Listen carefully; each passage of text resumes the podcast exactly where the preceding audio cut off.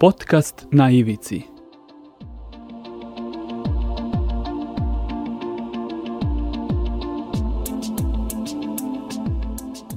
Na ivici. Pozdrav dragi prijatelji, evo otvaramo i treću epizodu podcasta na ivici koji se emituje na portalu storyteller.rs. Već je rečeno u prethodnim epizodama, ali je potrebno ponovo napomenuti da u ovom podcastu pokušavamo da se posvetimo diskriminaciji i stigmatizaciji pojedinih društvenih grupa i da odgonetnemo na neki način ako uspemo u tome da e, zbog čega dolazi do ovih pojava. E, veoma je dug i mukotrpan put pred onima koji pokušavaju da razbiju sve ove okove, možda i uzaludan, jer je minimalna šansa, možda na nivou statističke greške, da se pojava diskriminacije u društvu u potpunosti iskoreni. Želeo bih za početak ove epizode još da kažem da se društvena stigmatizacija odnosi na ekstremno neodobravanje ili nezadovoljstvo lica ili grupe na socijalno karakterističnim osnovama koje su uočene i služe da bi se razlikovale od ostalih članova društva. A sa druge strane, e, najjednostavnije rečeno, diskriminacija je nejednako postupanje prema osobi ili nekoj drugoj grupi na osnovu njihovog ličnog svojstva, što za posljedicu ima nejednakost u šansama da ostvare svoja zagarantovana prava, da li ustavom, zakonom i na neke druge načine. To je nejednako dakle, tretiranje, isključivanje, odnosno dovođenje u podređen položaj pojedinaca ili grupa ljudi koji se nalaze u istoj, sličnoj ili čak uporedivoj situaciji. Diskriminacija se međutim vrši i kada se osobe koje se nalaze u neravnom pravnom položaju tretiraju na isti, odnosno ravnopravan način.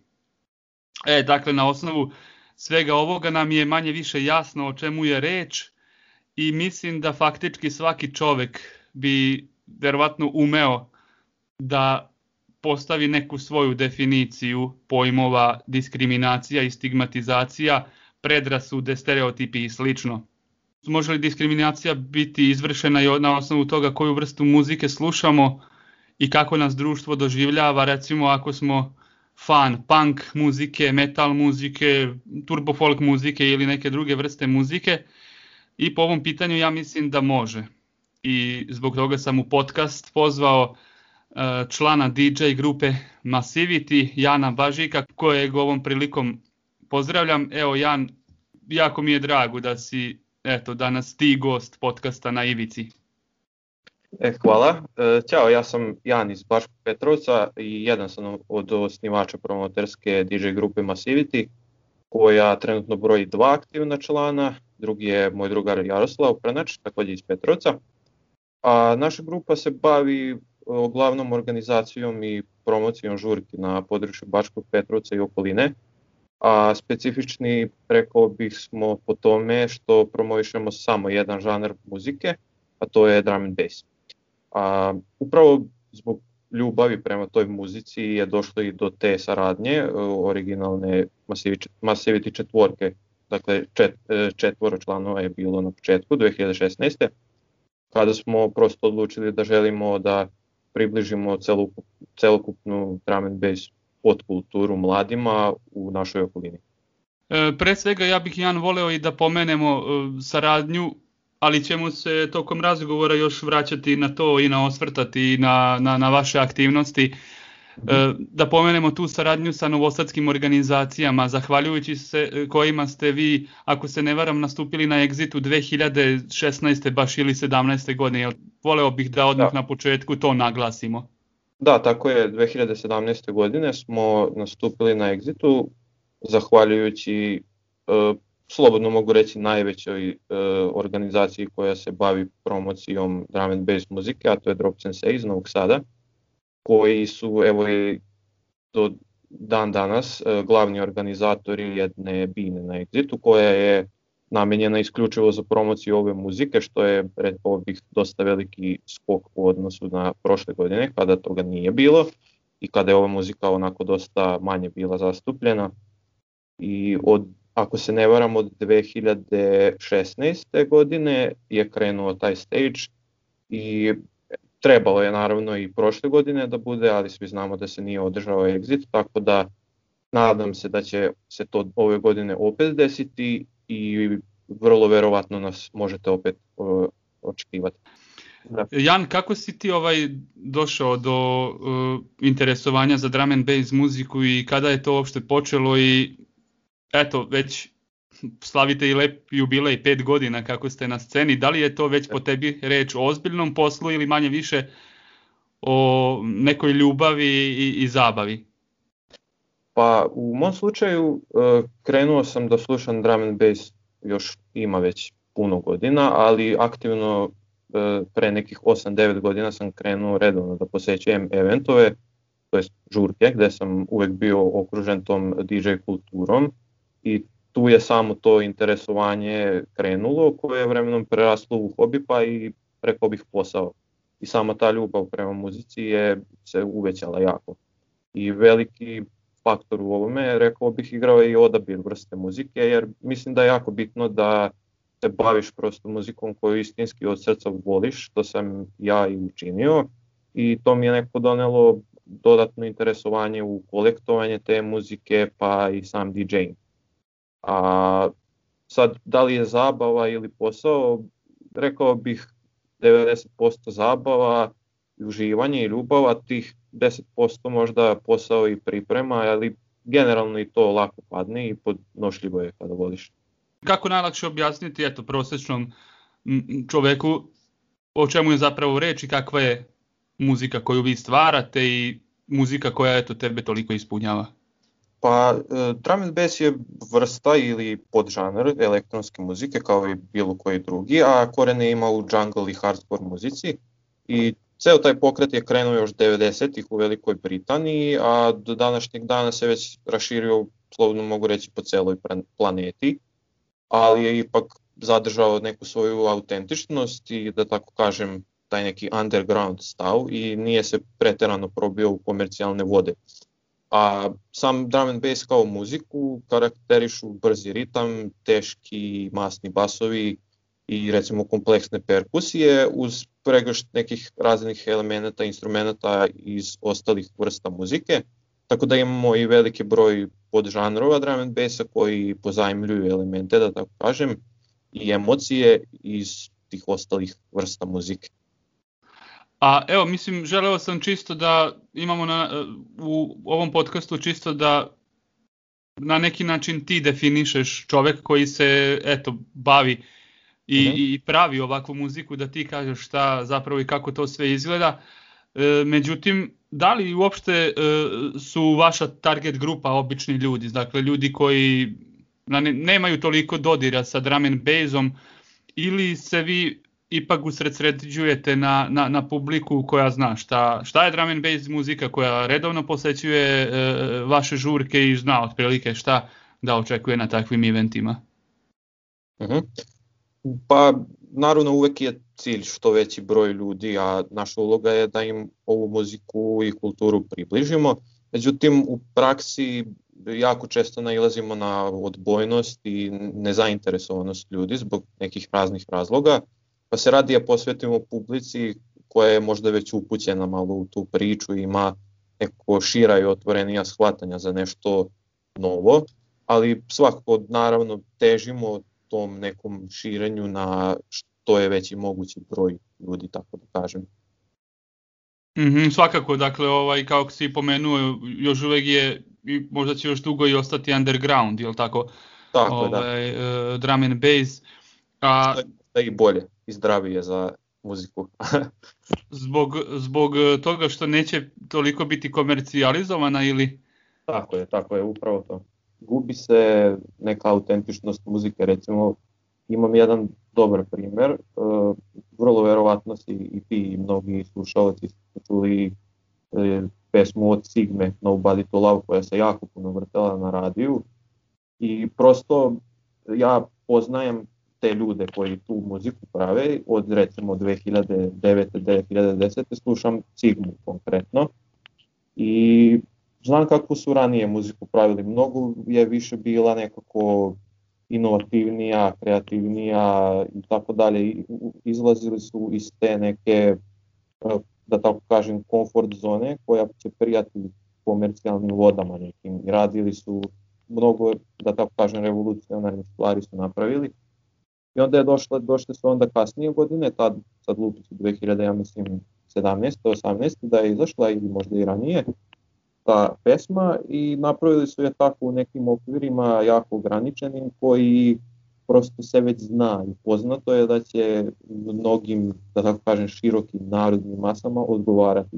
I ta pesma je jako velika bila, ima milione i milione pregleda na YouTube-u i to je tako jedan kao izuzetak koji se desio u zadnjih 10 godina, bilo ih je još par, ali ovo je recimo najveći koji se desio sa Sigmom i sa Nobody to Love i prosto tu recimo ja kao već verni slušalac te muzike godinama, onda sam video tu neku veliku razliku koju je donela komercijalizacija i da se izgubilo puno na nekom uh, autentičnosti. Tako je, autentičnosti i, jako je ta muzika onda već e, upadala, po šablonu se pravila i napravljena je po nekom šablonu koji je, eto, cilj je bio vrlo očigledno samo što više pregleda, što više naravno novca da se zaradi, mm -hmm. a muzička vrednost je jako opala.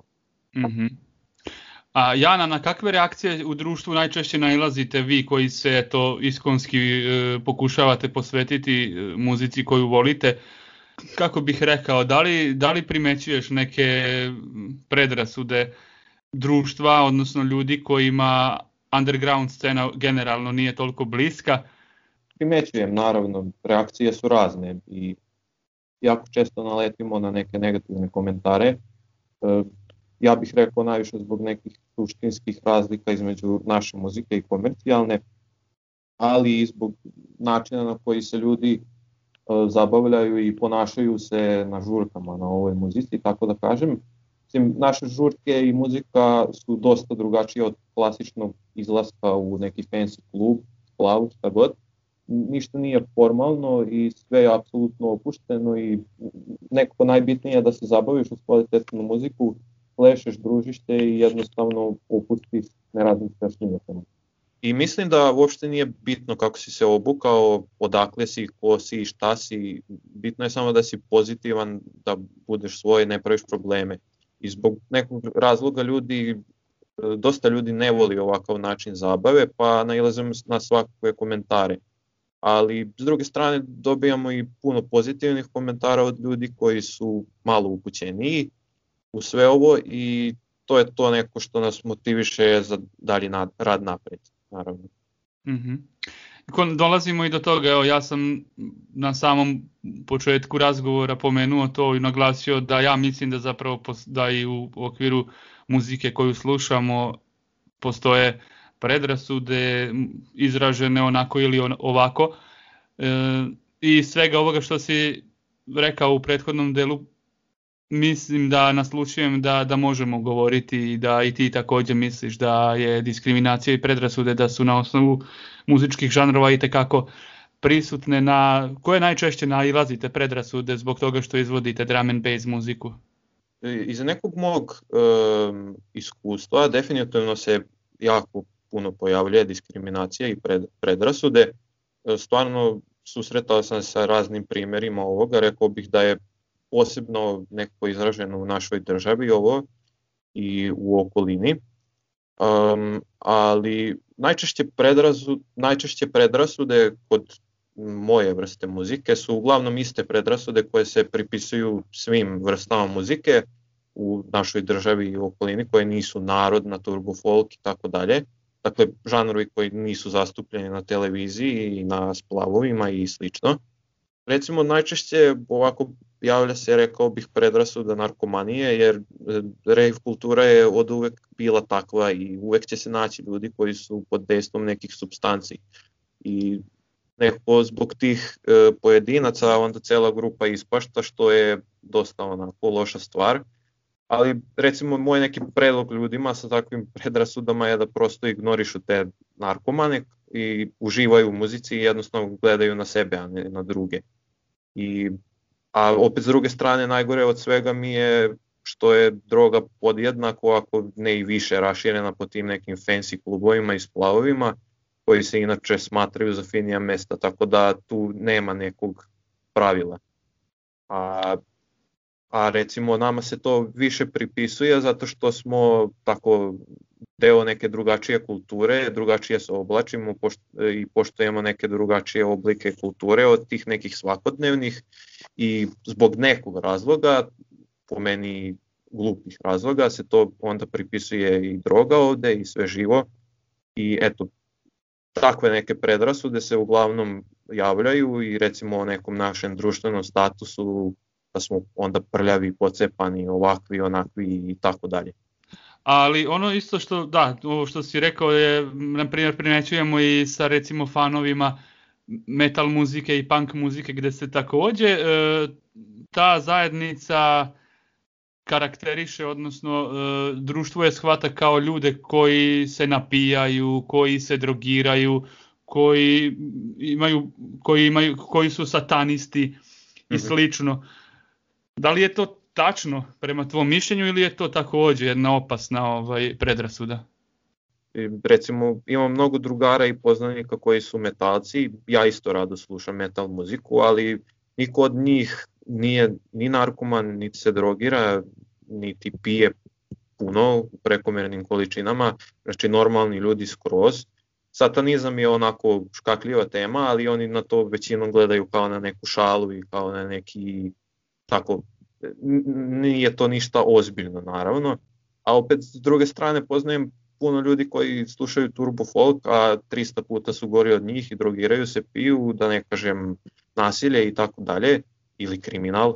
I mislim da su ta povezivanja već jako besmislena i da bi to nekako trebalo u našoj sredini da ostavimo i za nas. Jer recimo, evo iz, isto iz mog iskustva nekog, bio sam u Češkoj na festivalu jednom koji se zove Let Troll, koji mislim najveći festival je to u, što se tiče drum and bass muzike u, na svetu.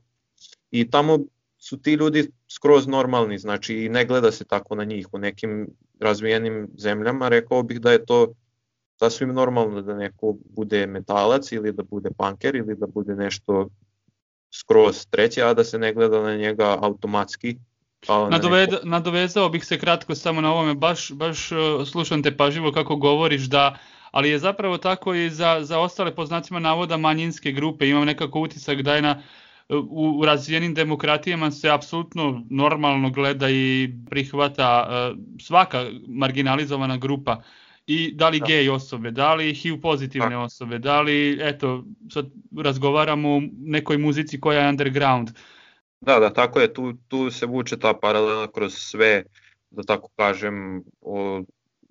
društvene aktivnosti, društvene da, norme, da, grupe. Društvene norme, da, to, i tako se to isto evo odražava i na muziku, prosto ne znam, mislim da zaostajemo jako za Evropom i za, samo i za našim bliskim susedima, recimo u Mađarskoj je mnogo bolja situacija što se toga tiče Češka, to nije toliko, nije to baš zapadna Evropa, to je ovde blizu, a opet neko ko, evo recimo konkretno za drum and bass mogu da kažem da je u Mađarskoj jedan od najvećih žanrova i da gledaju ljudi na to kao nešto normalno i kao nešto super što svi vole.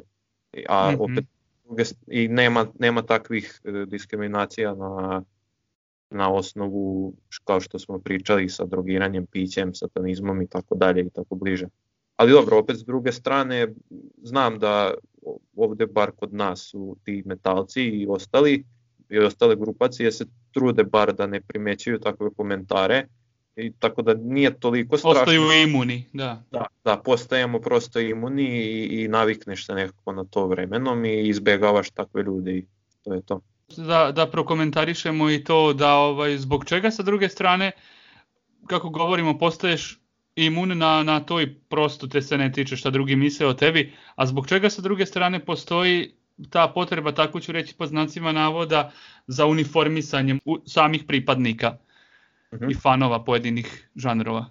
Po meni to uniformisanje sasvim je jedna ok stvar, jer ako želiš da pokažeš svoju ljubav prema određenoj muzici, to je jedan od načina naravno i smatram da nije to obavezno, naravno možeš voleti svaku muziku i oblašiti se apsolutno kako želiš, ali prosto mislim da ako neko želi neko da se poveže sa nekim recimo članovima muzičkih sastava koji imaju, mislim da je skroz cool i ok ako neko želi slično da izgleda, izgleda i to mislim da je ta neka motivacija da prosto i tu neku svoju uh, kulturu i to ti prosto prođe i u način života i mislim da upravo te žanrove uh, uh, žele ti ljudi da nekako, ne, ne da promovišu, ali eto prosto da uh, pokažu da su ponosni što su deo te kulture i što slušaju neku tu muziku koju smatraju da je kvalitetna. Znači bitna im je muzika prosto ja mislim i, i žele to da pokažu, ne, ne gledaju na muziku kao neki tako e, nebitan deo svog života. E, u komercijalnoj muzici se okreće jedno te isto, nema nekih e, specifičnosti, nema kreativnosti, inovativnosti, ukusa. Upravo zbog toga ja mislim da to takozvano uniformisanje je nešto što je skroz ok i, i što što bi trebalo da bude prihvatljivije nekako u našem društvu. Pa eto, recimo i ranije kako jel, znamo, punk je, muzika je bila odraz svojevrsnog bunta još tamo u Velikoj Britaniji kako je i nastajao, pa i kasnije to i kod nas, manje više. Da li je i danas još uvek tako ili, ili se vremena menjaju? Definitivno mislim da više punk i, i uopšte muzika kao neki oblik bunta E, ne postoji danas i nije nekako ni moguć više, jer bar na nekom širem opsegu, e, jer prosto drugačija su vremena. Punk je u tome uspeo, jer generalno muzička kultura tih 70-ih, kad je recimo to krenulo, bila drugačija. Ljudi su bili otvoreni za neke nove žanrove muzike, neke nove vrste kulture i smerove, pa i da to iskoriste na kraju za bunt. E, danas je super recimo što je moguće apsolutno bilo koju vrstu muzike plasirati preko interneta, tada nije to toliko bilo rašireno, ali opet s druge strane mnogo više uticaja i novca je potrebno iskoristiti nego samog talenta, tako da e, prosto, prosto je, ako imaš više novca, naravno napravit će od sebe neku muzičku zvezdu, bit ćeš mnogo popularniji od nekoga ko ceo život uči da bi usavršio svoj muzički talent, a nema dovoljno novca za marketing i slično, tako da e, mislim da ta neka vrsta bunta u muzici sa muzikom, da tako kažem konkretnije, više nije toliko moguća jer muzika i najviše reči i, koje iz muzike e, dolaze nemaju više toliko tog buntovniškog uticaja. Danas jer mnogo, mnogo se gubi na toj nekoj smislenosti reči i drugačije vrednosti neke se promovišu. Da, upravo dolazimo i do toga da a ne možemo da ne pomenemo baš pomenute ovaj drugačije vrednosti danas koje se ističu u prvi plan pre svega eto u muzici. Da. E, baš, baš na tu temu smo razgovarali u prethodnoj epizodi podcasta na Ivici kada smo komentarisali to da e, je vrlo zapravo opasno ono što se danas promoviše u, na pojedinim i televizijskim čak kanalima i na uh, YouTube-u samom uh, gde se pojedine, odnosno sad taj, ne znam kako ni to da nazovem, taj muzički žanar broji milione fanova i pregleda a otvoreno se, dakle, bez ikakvih skrivenih poruka, otvoreno se veli, veliča uh, narkomanija, uh, alko, konzumacija alkohola, uh, enormne količine novca, oružije, uh, splavovi i tako dalje. Šta misliš, zbog čega je došlo do ekspanzije? Pa, po meni najveći problem u tome svemu je globalni neki problem, a to je industrializacija muzike. Mislim, više se ne gleda na kvalitet i suštinu, to se skroz negde izgubilo, već samo se gleda na kvantitet i što, što više muzičkih numera da se plasira napolje i što više materijala. Dakle, e, muzika se bukvalno proizvodi sada kao na traci. Dovoljna je samo neka osoba koja ima dovoljno uticaja na, ne, na društvenim mrežama, može da otpeva apsolutno bilo šta, što je samo dovoljno malo da je pevljivo i eto ga više milionski hit. Ja se mislim iskreno zgrožavam od ovoga i nadam se da će uskoro ovakav trend da se završi u bilo kakvom obliku, jer posebno je izražen u Srbiji i mislim da smo zbog toga na tom polju kulture jako propali, da tako kažem. Mislim, YouTube je super stvar, ali problem je što ljudi kao da ne znaju da ga koriste i upijaju samo sadržaj koji im se servira u tom nekom trendingu i na naslovnoj stranici i tako dalje, a sam YouTube je pun mnogo, mislim, sve muzike u suštini i mnogo lako se može doći do nečeg kvalitetnijeg ako samo ma, mal, malo, malo, malo upotrebiš mozak. Pa bih, eto, tako, ako mogu da predložim, ako ljudi koriste, a znam da koriste jako puno YouTube za slušanje muzike, e, da izađu iz te neke komfort zone i istraže možda neku novu vrstu muzike, jer sam siguran da će naći nešto što im odgovara i od čega će se jednostavno bolje osjećati.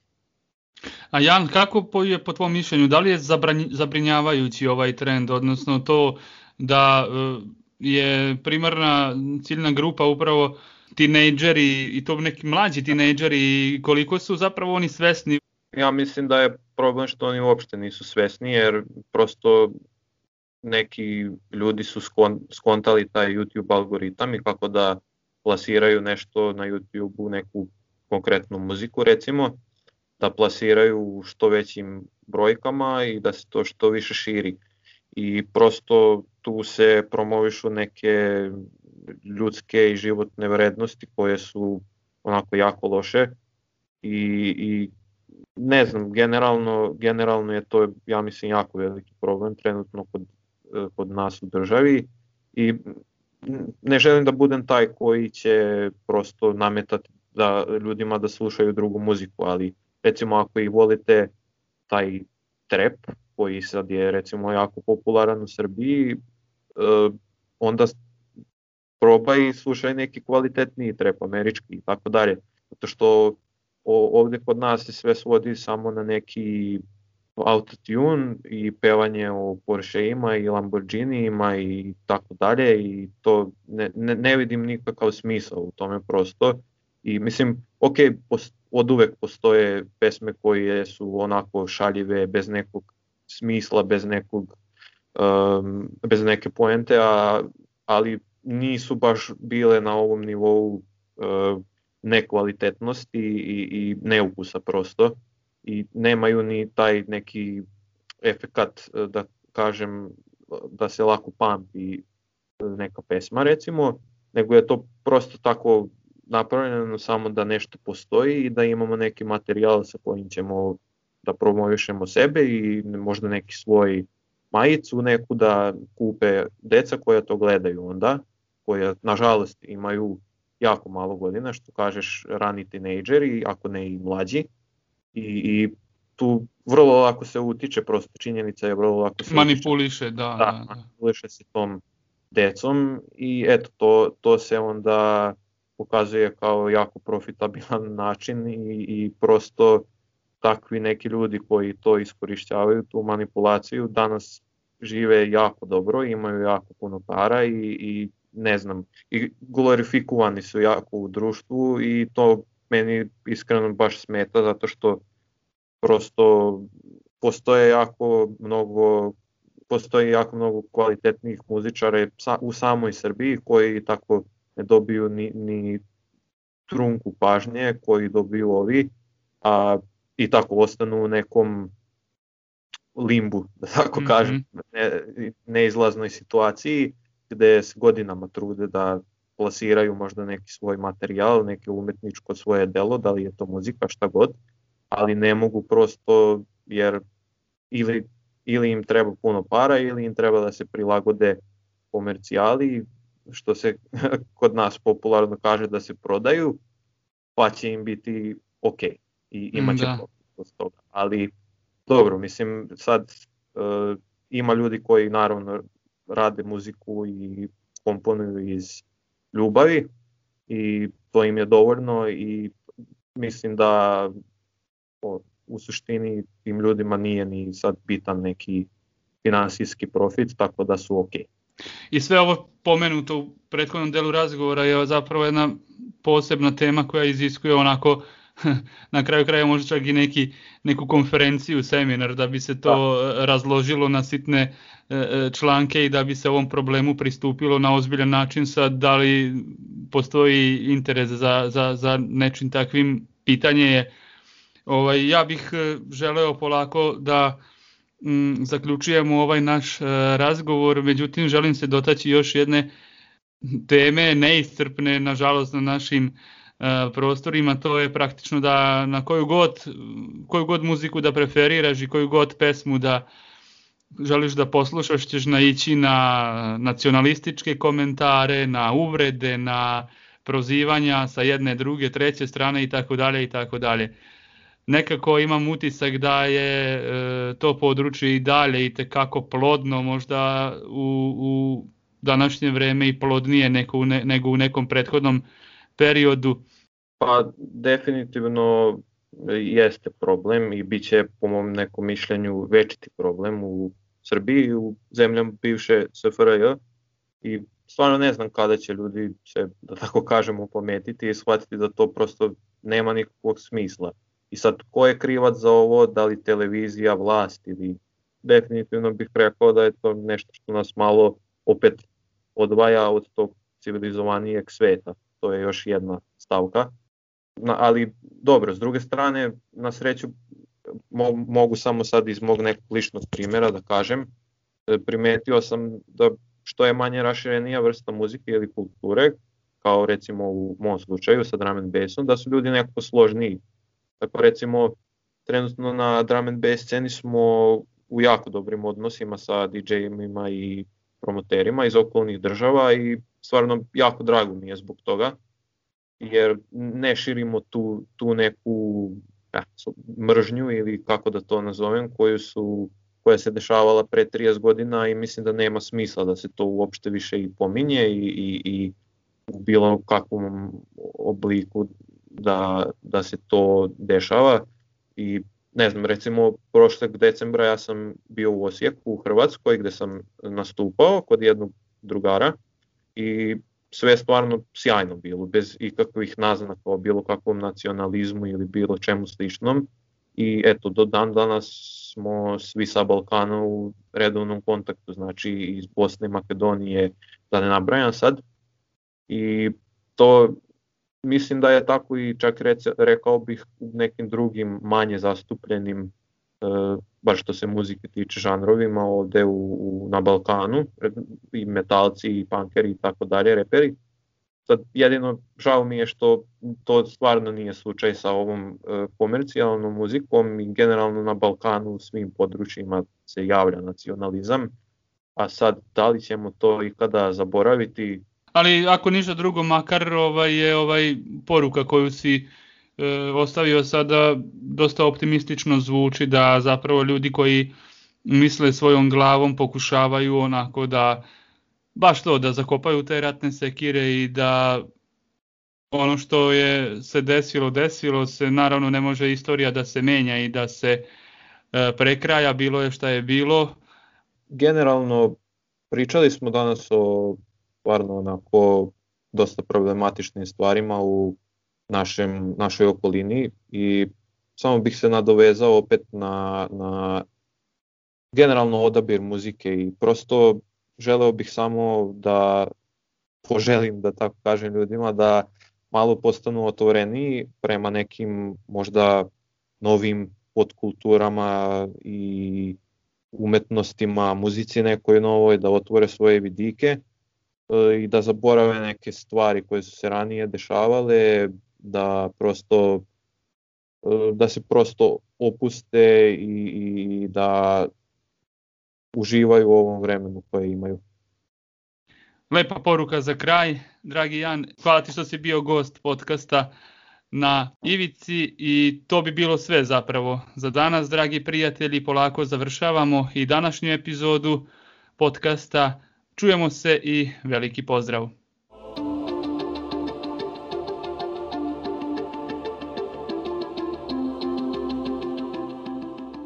Podcast na ivici.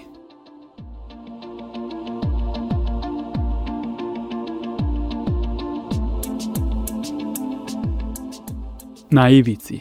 Ovaj podcast je nastao zahvaljujući financijskoj podršci građana i građanki u okviru kampanje lokalnih medija Tačka okupljanja Nezavisnog društva novinara Vojvodine.